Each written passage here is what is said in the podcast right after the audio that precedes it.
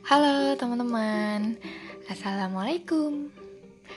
Cita di sini mau bercerita tentang pentingnya move on. Hmm, ayo, siapa di sini yang belum move on? Siapa di sini yang masih kepikiran mantan, yang masih berharap dia balik lagi? Aduh. Oh ya, move on itu artinya luas juga loh sebenarnya. Nggak cuma soal hubungan, tapi kalau anak-anak zaman now move on itu identik dengan hubungan percintaan. Jadi ya sudah di podcast kali ini bahas spesifik percintaan aja. Oke? okay? Um, seperti biasa, aku rekam ini tengah malam. Dan hasrat berceritaku tuh besar banget kalau malam. Jadi aku ceritain di sini. Dan semoga ini bisa jadi jurnal juga untuk aku. Yang aku bisa dengarkan beberapa tahun lagi. Yang aku bisa dengarkan beberapa puluh tahun lagi atau nanti anakku dengar. Semoga apa yang aku sampaikan juga bisa diambil pelajaran positifnya ya. Oke okay, ngomong-ngomong move on. Dulu aku pernah punya pacar. Sumpah deh ganti kata apa ya pacar tuh? Aku agak gak nyaman dengan kata itu ya pokoknya dulu aku punya pasangan. Udah lama banget zaman zaman SMA SMA awal. Nah waktu itu aku ngerasa kalau sekarang nih bahasa gaulnya privilege gitu ya cie dulu ngerasa kayak beruntung banget punya dia dan dia mungkin beruntung juga punya aku. Nggak tahu. Ya gitu deh karena dia salah satu orang yang ya cukup populer cukup banyak fansnya. Dan ketika awal-awal menjalin hubungan sama dia juga aku cukup terteror. Bukan diteror ya tapi terteror. Jadi terornya perasaan aku aja. Karena aku seperti jadi disorot banyak orang. Sampai waktu itu pagi-pagi ada yang nyamperin ke kelasku terus temanku bilang Cit dicariin kak ini aku nggak tahu tuh siapa cewek aku nggak tahu siapa aku nggak kenal ini SMP ya berarti Wah gila, cinta monyet bukan sih? ya gitu. Nah aku gak kenal dia siapa. Waktu itu aku ikut pramuka dan dia bukan senior pramuka aku. Waktu itu aku ikut osis juga. Udah osis belum ya? Dan dia bukan senior osis aku. Pokoknya aku gak kenal. Aku cukup kenal beberapa senior. Tapi yang satu ini aku gak kenal. Terus ketika keluar kelas, dia nanya gini, Cita ya? Iya. Pacarnya ini ya? Hah? Iya. Sepolos itu. Karena masih takut gitu ya sama kakak kelas. Terus aku nanya, emangnya kenapa ya gitu kan? Terus kakak itu cuma bilang, oh enggak nggak apa-apa kok, cuma pengen tahu aja. Wah itu aku langsung kayak, hah segitunya banget ya gila sih itu tuh pengalaman terepik ya menurut aku nah mulai dari situ mulai ngerasa tuh kalau misalnya jalan di koridor atau lagi ke kantin itu kayak ada ada aja gitu orang yang kayak ngelihat aku. Tapi ngelihatnya enggak sinis ya? Ngelihat aja gitu paham gak sih? Bukan yang sinis terus nggak suka gitu bukan. Jadi kayak cuma ngelihat kayak matanya tuh kayak selalu ngomong oh ini gitu. Terus ya udahlah gitu kan. Ya udah terus akhirnya berjalan nih hubungannya. Terus SMA kita pisah. Wah ini ketahuan banget nih. Kalau misalnya ada teman aku yang dengerin pasti kalian ketawa-tawa. Ini semoga orangnya nggak dengerin ini ya. Ya udah pokoknya aku mau cerita aja ya. Ini bukan gimana gimana pokoknya dengerin sampai habis nanti biar kalian dapet poinnya dari apa yang aku sampein. Ini masih awal jadi slow down ya. Nah terus SMA kita pisah sekolah beda sekolah. Sebenarnya tadinya kita ngincer satu sekolah yang sama. Bukan karena pengen bareng-bareng terus sebenarnya enggak juga sih. Lebih ke ya emang gue pengennya sekolah di situ gitu. Sekolah yang ya lumayan lah. Lumayan lumayan apa ya bahasanya? Lumayan favorit lah gitu. Akhirnya aku nggak masuk dia yang masuk bisa sekolah beda sekolah. Sampai momen aku ngerasa kok kayaknya berubah ya ini orang gitu. Aku nggak tahu apakah apakah berubahnya ke aku atau berubah secara karakter dan kepribadiannya dia gitu. Aku nggak tahu nggak bisa ngebedain. Karena juga umurnya masih berapa tuh? 17 tahun juga belum gitu. Kayak kok gue jadi lucu ya cerita ini? Eh gitu deh terus sampai akhirnya hmm, kita menyudahi hubungannya. Bukan kita sih dia sebenarnya. Iya sebenarnya. Hmm, waktu itu nggak ngasih alasan apa apa sih. Nggak ada yang kayak aku mau fokus sekolah. Nggak. Ya untungnya dia juga orangnya bener ya bukan yang suka ngomong aneh-aneh kayak gitu. Terus ya udah intinya kita udahan. Wah itu um, apa ya? Momen tergalau yang pernah aku rasain kali ya. Aku juga sampai sekarang kayak bingung gitu kok gue dulu segalau itu ya? Kok gue dulu senorak itu ya gitu. Kayak bener-bener susah banget buat move on. Teman-teman di sini yang susah move on ya kira-kira kayak gitulah dulu. Susah banget gitu kayak gimana ya bahasanya? Ya pokoknya susah lah. Kayak aku ngerasa dia tuh udah baik banget gitu. Terus aku ngerasa kayak langka nih orang kayak dia. Terus juga kayak ada ketakutan tersendiri. Nanti aku bisa ketemu lagi nggak ya sama orang yang baik kayak dia? Nanti aku hmm, ad, nanti ada nggak ya yang mau sama aku? Nanti ada nggak ya yang setulus itu sama aku? Gitu. Karena memang dia orangnya tulus banget. Eh bukan cuma sama aku doang sih sama teman-temannya juga. Jadi tipe-tipe orang yang kalau udah baik sama orang kalau udah tulus sama orang ya ya udah gitu bakal tulus banget. Dan selama kita berhubungan itu nggak ada pengkhianatan pengkhianatan sama sekali nggak ada kebohongan-kebohongan. Pokoknya semuanya berjalan normal yang ngambek-ngambek kan ya ada lah gitu. Tapi kalau yang sampai bohong apa gitu nggak. Makanya aku ngerasa kayak aduh gile nih gitu. Uh, kalau misalnya teman-teman tahu lagunya Glenn Fredly yang judulnya apa ya? Akhir cerita cinta. Nah itu dulu aku sampai nangis loh denger itu kayak aduh kalau sekarang ngomong ini malu sih jujurnya. Tapi aku yakin teman-teman di luar sana juga pasti ada yang kayak gitu juga. Bener gak? Gitu ya jadi waktu itu aku sulit banget buat move on. Hmm, sulit banget.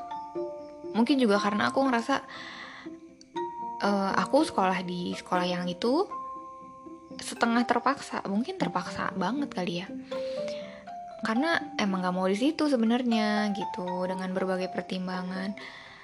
Tapi karena doa ibu ya selalu manjur dan ibuku pengen aku sekolah di situ akhirnya aku masuk situ. Tapi aku jadi nggak happy dan sekolah juga jadinya nggak semangat. Terus di situ aku ngerasa juga kayak dia enak nih sekolahnya bagus lingkungannya oke teman-temannya support. Jadinya dia juga happy gitu. Sementara aku nggak happy.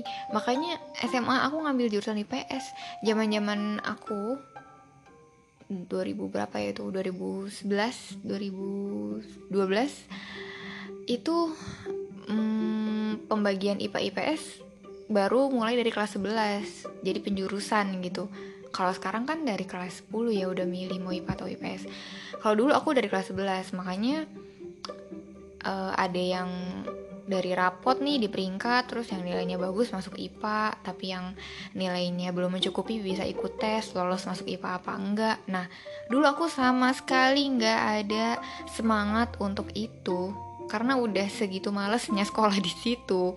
Ditambah eh itu break break up apa sih bahasanya? Ya itu ya itu ditambah putus itu gitu. Jadi kayak makin nggak semangat gitu kan makin males. Akhirnya aku nggak ikut tes dulu gue masuk IPS aja lah gitu.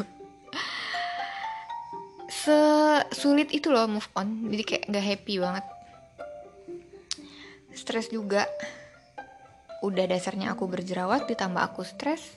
Jadi makin-makin jerawatnya. Dan jadi makin susah juga dapet pacarnya. Ya aduh ampun deh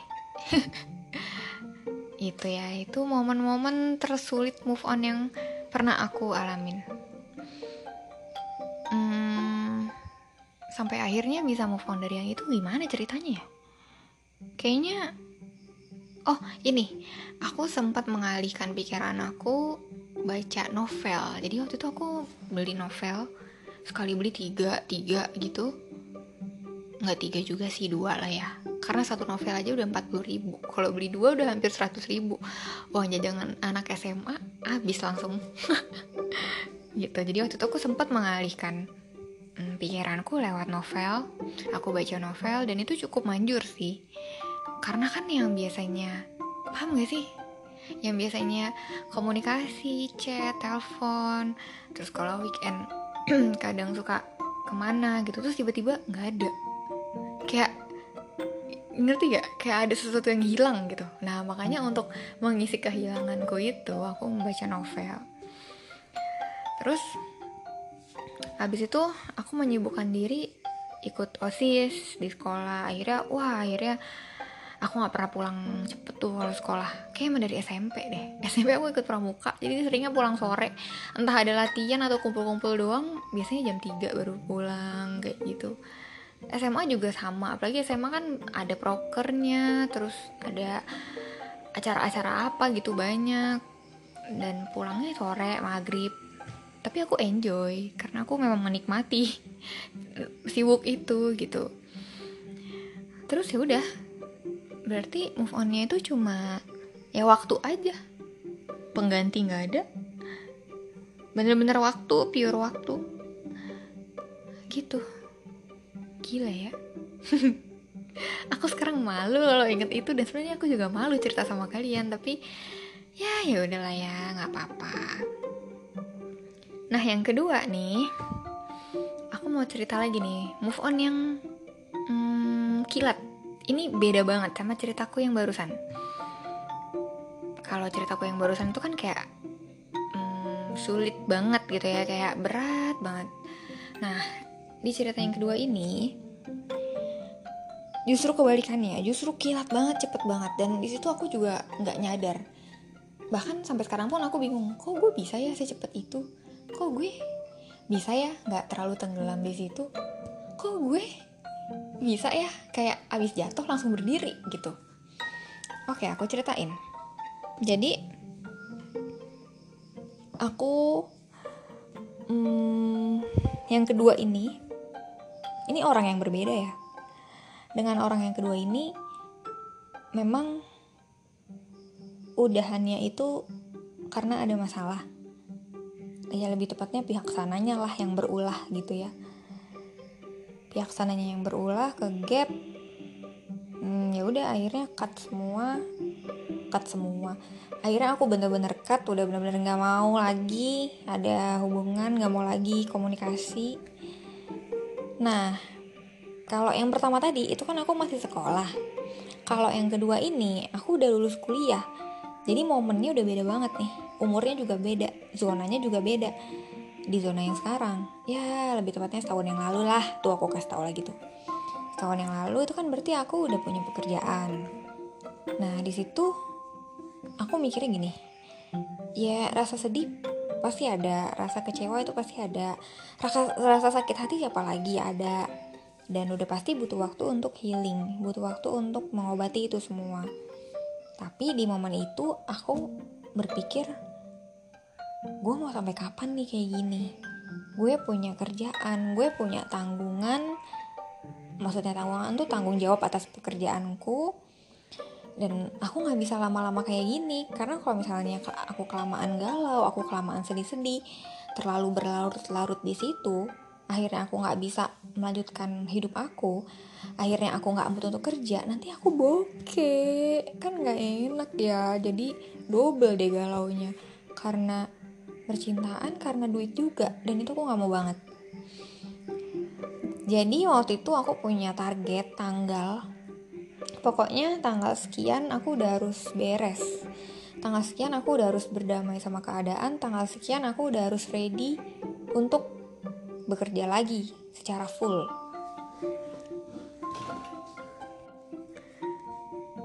Akhirnya waktu itu karena aku merasa aku harus refreshing aku ng ngajaklah teman aku. Sebenarnya bukan ngajak gini uh, sebelum aku putus itu teman aku ada yang ngajakin main gitu ya pergi ke hmm, waktu itu belum tahu mau ke mana pokoknya main lah. Mainnya bukan main ke mall ya tapi jalan-jalan. Tapi waktu itu kan momennya akhir bulan dan aku harus ada penutupan kerjaan jadi nggak bisa. Nah ngepas banget. Beberapa hari kemudian aku ngomong lah ke teman aku kayak eh kita jalan yuk gitu. Akhirnya jalan-jalan waktu itu ke Pulau Pari aku pertama kali ke sana ikut pertama kali ikut open trip juga. Emang dasarnya aku suka jalan-jalan aku suka ketemu orang baru aku suka alam. Di situ bener-bener fresh banget parah. Padahal sederhana. Istilahnya gini iyalah ke Pari ke Pari doang. Ya kan kayak gitu ya. Maksudnya bukan yang jauh-jauh kayak ke Lombok ke Bali ke Labuan Bajo atau apa gitu enggak. Jadi sederhana banget. Ke Pulau Pari itu juga bagus banget kan pantainya di sana tempatnya juga enak. Terus dapet temen open trip yang juga ternyata enak banget seru-seru. Dapet homestaynya juga aku ngerasa itu homestay yang lumayan dibanding homestay sebelah sebelahnya bener-bener se-fresh itu bener-bener aku ngerasa kayak wow gile happy banget gitu. Kayak langsung lupa gitu loh sama yang kemarin aku alamin. Langsung lupa kalau aku pernah dicurangin sama orang gitu. Padahal sebenarnya dua minggu sebelumnya itu aku baru habis dari Jogja sama adekku habis jalan-jalan juga. Gitu. Pulang dari Pari aku update ya seperti biasa. Aku sering share cerita-ceritaku di medsos terutama di Instagram. Nah ketika pulang itu aku bener-bener kayak gimana ya? Kayak orang habis mandi tau nggak? Seger banget. Seger banget terus aku ngerasa wow kayak gue udah siap nih kerja lagi gitu. Nah di situ aku mendapat momen yang luar biasa banget ya. Ceritain gak ya soal ini? Pokoknya di situ aku ngerasa wow Allah baik, uh, baik banget gitu. Pertama aku emang udah niatin aku mau keluar dari zona kegalauan ini. Terus yang kedua aku berusaha ya kan? Aku udah berusaha untuk merefresh diri aku sendiri dengan cara jalan-jalan tadi. Dan aku dapet refreshnya pulang dari situ aku dapat lagi nih satu kebiha satu kebahagiaan baru gitu. Yang itu di luar ekspektasi aku banget. Yang aduh aku belum siap cerita ini. Nanti aja kapan-kapan ya pokoknya aku bahagia banget di situ. Aku merasa kayak ih Allah baik banget ya pokoknya intinya di situ ada orang yang nge DM aku gitu dan unexpected person banget deh. Itu yang bikin aku bener-bener langsung gila langsung lupa banget sama hal-hal yang gak enak langsung sehappy itu gitu. Gitu. Ya udah akhirnya move on deh. Itu cepet banget kurang dari seminggu. Gila nggak tuh? Kalau misalnya aku cerita sama teman-temanku aku juga nanya kan kenapa ya? Kok gue bisa cepet banget sih move onnya? Jawaban dari mereka rata-rata karena lo disakitin cit jadi kalau lo inget dia ya lo inget sakitnya. Jadi ya lo nggak mau inget-inget lagi kan? Iya juga sih benar gitu. Terus ya dikasih kebahagiaan yang baru sama Allah gitu kan. Nah poinnya di sini adalah aku akhirnya menyadari bahwa ketika kita mengalami suatu hal yang gak enak, suatu hal yang pedih, suatu kesedihan, dan kita ada niatan untuk bangkit, lalu kita berusaha untuk merefresh otak dan hati kita, akhirnya Allah juga menjawab gitu. Allah juga memberi kebahagiaan-kebahagiaan yang banyak, yang besar, bahkan di luar ekspektasi. Jadi pesan aku buat teman-teman yang sekarang masih galau, yang sekarang masih susah move on, yang sekarang masih kepikiran mantan. Yuk coba deh ngobrol sama diri sendiri, tanya sebenarnya gue maunya apa ya? Kalau misalnya teman-teman masih berpikir maunya balik lagi sama dia apa sih yang pengen apa sih yang bikin pengen balik lagi? Kalau misalnya ternyata pihak dia yang salah balik lagi justru ada kemungkinan dia mengulangi kesalahan yang sama lagi. Jadi kayak muter-muter aja di situ. Apa nggak capek kayak gitu? Ya nggak sih Terus kalau misalnya ternyata setelah ditanya nih ke diri teman-teman dan jawabannya adalah iya juga ya. Apa ya mau gue? Gue mau happy. Gue mau nggak sedih lagi. Gue mau lupa sama semuanya. Nah, coba deh teman-teman cari cara. Teman-teman refreshingnya dengan cara yang seperti apa? Lakuin deh. Gitu ya. Percaya deh nanti Allah akan bantu kalian. Gitu. Oke, teman-teman 20 menit. Wow masya allah. Lumayan lama ya. Gitu. Jadi ayo mari kita move on melanjutkan hidup kebehag kebehag kebahagiaan yang baru sudah menanti kita di depan. Terima kasih banyak teman-teman yang sudah mendengarkan. Kok malam ini belepotan banget ya? Oh ya for your information ini aku one take action ya teman-teman. Jadi ini aku nggak edit Maaf kalau belepotan. Ya udah gitu aja. Terima kasih teman-teman yang sudah mendengarkan. Wassalamualaikum.